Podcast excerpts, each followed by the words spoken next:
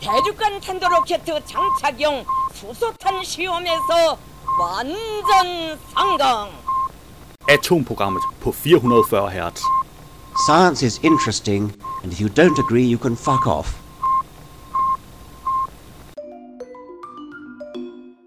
Goddag! Mit navn er Flemming Sørensen, og du lytter til Atomprogrammet. Jeg har en herlig masse nyheder med til dig i dag. Savnomsbunden alligator dør i russisk zoo, tager hemmelighed med sig i graven. Mysterie. Ni hvidnæser skyllede de land på to måneder. Endnu et mysterium. Hvordan bevæger mystiske kugler sig? Nu vil kineserne måle Mount Everest igen. De første australiere levede side om side med tons tunge pungdyr og øjler så lange som biler. Mystiske radioglimt hjælper forskere med at finde universets manglende stof. Og så har jeg den meget lidt sigende overskrift her. Gør fantastisk fund. og nu kunne jeg godt røve for dig, hvad det er. Det gør jeg ikke. Vi tager kun lige overskrifterne her. Jeg har også nyt studie. Dino-dræber meteoren ramte jorden i den værst tænkelige vinkel.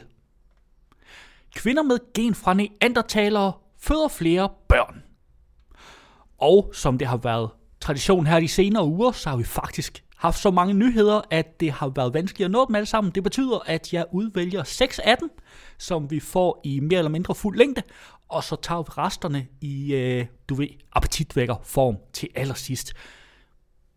Men øh, vi har selvfølgelig også ugens opdatering fra NASA. Og øh, jeg havde lidt håbet på, at jeg i den her uge ville have en nyhed med om, at det var gået fabelagtigt med øh, SpaceX's øh, Dragon Crew kapsel. Det har jeg desværre ikke. Ikke fordi det er gået galt på nogen måde. Øh, det er det ikke. Øh, man kan sige, at alt gik godt, øh, i og med at alt fungerede på nærværet. På BT fandt jeg savnomsbunden alligator dør i russisk zoo. Tager hemmelighed med sig i graven. I mange år klæbede i sejlivet rygte til Saturns takkede ryg. Et rygte, som den 84-årige alligator nu tager med sig i graven. Rygtet gik på, at den verdenskendte og nærmest mystiske amerikanske alligator Saturn havde været Adolf Hitlers personlige kæledyr. Men det passer nok ikke. Rygtet er, som rygter nogle gange er, et rygte. Og selvom en fortid som nazileders kæledyr ville have givet Saturn lidt ekstra kolorit, er det ikke nødvendigt. Den amerikanske hanalligator har levet et liv og set ting, der formentlig vil kunne skrives bøger om. Saturn var oprindeligt en gave fra USA til Berlin Zoo i 1936, fire år før 2. verdenskrig brød ud, og den velmenende gaveudveksling på landjorden blev erstattet af en dødbringende bomberegn fra luften. Og da Berlin Zoo blev bombet i 1943, overlevede Saturn på mirakuløs vis.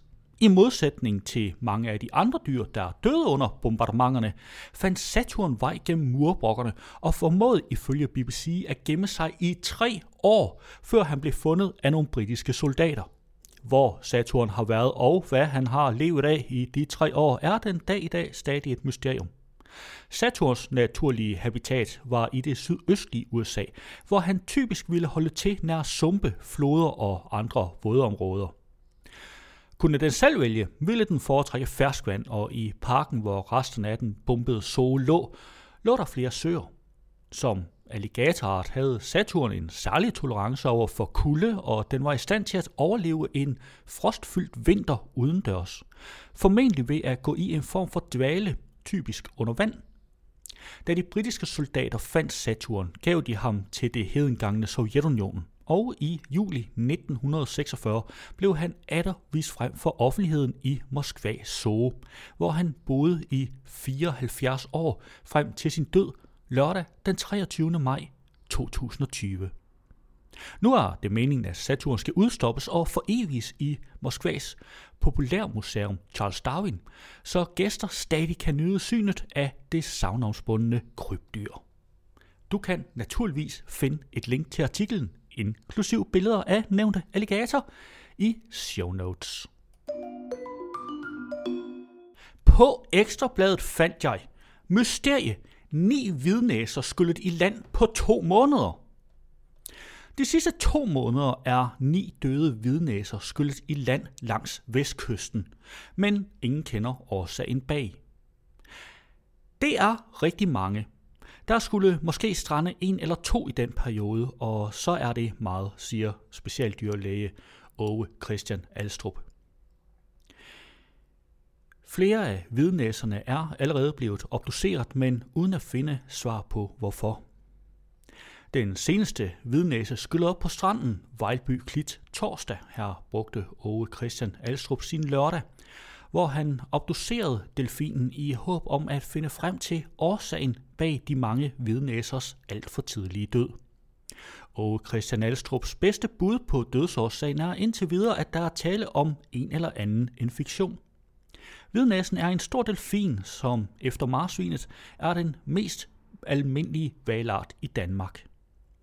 Du kan naturligvis finde et link til artiklen i show notes. På Ekstrabladet har jeg fundet Mysterium. Hvordan bevæger mystiske kugler sig?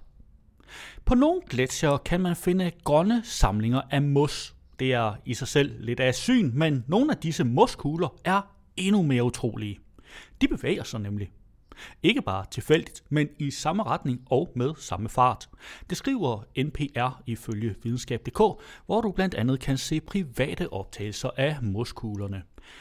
De grønne kugler af mos bliver kaldt gletsjermus, og et nyt studie, der undersøger dem, fortæller, at man mener, at det sjældne fænomen opstår fra urenheder på isens overflade. Gletsjermusene bevæger sig faktisk en hel del, op til et par centimeter om dagen, ifølge Tim Bartholomaus, der er glaciolog ved University of Idaho og en af forskerne bag studiet. Tim var meget forundret, da han første gang stødte på fænomenet tilbage i 2006. De er ikke fastgjort til noget. De ligger bare på isen, siger han. Sophie Gilbert, der er dyrlivsøkolog ved University of Idaho, og medforfatter til studiet, fortæller, at det er nødvendigt for gletsjermusenes overlevelse, at de bevæger sig, fordi hele overfladen har brug for at være eksponeret for sollys i perioder. Gletsjermusene kan blive op til 6 år gamle og bevæger sig ifølge Tim på samme måde som en fugleflok eller fiskestime gør det. Men forskerne kan ifølge NPR ikke finde ud af hvorfor, selvom man har kendt til mysteriet siden 1950'erne. Man har undersøgt, om det kunne være vind eller solen, der får musene til at bevæge sig. Forskerne har også haft en teori om, at moskuglerne beskytter isen nedenunder fra at smelte, og at de på et tidspunkt ville falde af. Men ingen har endnu formået rigtigt at komme til bunds i mysteriet om moskuglerne, skriver NPR ifølge videnskab.dk. Og du kan naturligvis finde et link til artiklen i show notes, og der er også et billede af disse gletsjermus, altså muskugler. På videnskab.dk har jeg fundet, de første australier levede side om side med tons tunge pungdyr og øjler så lange som biler. Dengang mennesket først ankom i det nuværende Queensland, var området beboet af kæmpe store dyr, som for eksempel 6 meter lange varaner og kænguruer, der var dobbelt så høje som mennesker. I 10 år har vi studeret disse forhistoriske dyrs fossile knogler. Vores fond, som for nylig blev publiceret i Nature Communications, kaster nyt lys over mysteriet bag megafaunas udryddelse. De første knogler blev fundet af det indfødte Barada-Barna-folk i forbindelse med en kulturarvsbesigtigelse cirka 100 km vest for Mackay ved South Walker Creek Mine i delstaten Queensland. Vores studie leverer det første pålidelige glemt af disse giganter, der er strejfet omkring i Australien for mellem 40.000 til 60.000 år siden. De store dyr, såkaldt megafauna, et udtryk især brugt i paleontologien om de største arter blandt fortidens dyr, var de største, som levede på land i Australien efter dinosaurerne uddøde. Vi forsøger at fortælle historien om den rolle, disse dyr spillede for økosystemerne, samt de miljømæssige konsekvenser, deres uddøen har haft. Megafaunaen levede ved South Walker Creek, da menneskene ankom til Australien. Vores studie føjer ny evidens til den igangværende debat om megafaunas udryddelse, men vigtigst af alt, så understreger det, hvor meget vi kan lære af fossilerne. Vi udgravede fossiler ved fire lokationer og nærstuderede selve fundlokationerne for at aldersbestemme fossilerne, samt få en forståelse af det forhistoriske miljø. Vores fund giver os et billede af, hvordan livet var for de største arter blandt fortidens dyr på Australiens tropiske savanne i en periode, der strækker sig over ca. 20.000 år, for mellem 40.000 og 60.000 år siden. I løbet af denne periode var megafaunaen i Nordaustralien forskellig fra megafaunaen i syd. Indtil videre har vi fundet mindst 13 uddøde arter ved South Walker Creek. Hvorfor uddøde alle disse megafauna-arter? En teori lyder, at overfangst, som fandt sted kort efter mennesket kom til Australien, var årsagen til udslettelsen af de store dyr. Teorien bliver dog ikke understøttet af vores fund, der viser, at et mangfoldigt udvalg af de forhistoriske giganter stadig var i live for 40.000 år siden, lang tid efter at mennesker havde bosat sig rundt omkring på kontinentet. Den tropiske megafauna uddøde omkring den tid, de yngste fossile fundlokationer blev dannet for ca. 40.000 år siden. Tidsrammen for deres udslettelse indtraf samtidig med vedvarende regionale forandringer i tilgængeligheden af vand og vegetation, såvel som hyppigere brænde. Denne kombination af faktorer havde muligvis fatale konsekvenser for de gigantiske arter, både på land og til vands. Du kan naturligvis finde et link til hele artiklen i show notes. I artiklen, der i øvrigt er omkring dobbelt så lang som det, jeg har læst op her, der er der også illustrationer af nogle af de her kæmpe dyr. På ekstrabladet fandt jeg gør fantastisk fund. Og hvad gemmer der sig så bag denne lidt intensive overskrift, som jeg ikke vil røbe i indledningen? Der gemmer sig følgende. Det hører ikke til sjældenheder, at man finder el gamle brudstykker af redskaber og andre efterladenskaber fra vores forfædre. Men sjældent har man set mage til helt unikke og ufatteligt velbevaret mosaikgulv, som man har fundet fra det antikke romerige. Gulvet fandt man i byen Negra, lidt nord for Verona, og man formoder, at det er blevet lavet i starten af det 3. århundrede. Til trods for sine 1700 år på banen, fremstår det i mere end god stand. Mosaikgulvet lå begravet under en vinmark i den bakkede region, og det menes at have været gulvet i en romersk villa. Man håber i fremtiden at kunne vise det fascinerende gulv frem for offentligheden, men ifølge kommunen kommer det til at gå nogen tid.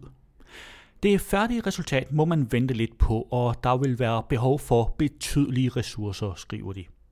For at sætte tingene i perspektiv blev København grundlagt i 1167, og man startede med at bygge Rundetårn i 1637. Mens det omtalte mosaikgulv altså er henholdsvis cirka 900 og 1300 år ældre. Du kan naturligvis finde et link til artiklen i show notes, og der er også billeder af dette mosaikgulv. På videnskab.dk fandt jeg, kvinder med gen fra neandertalere føder flere børn.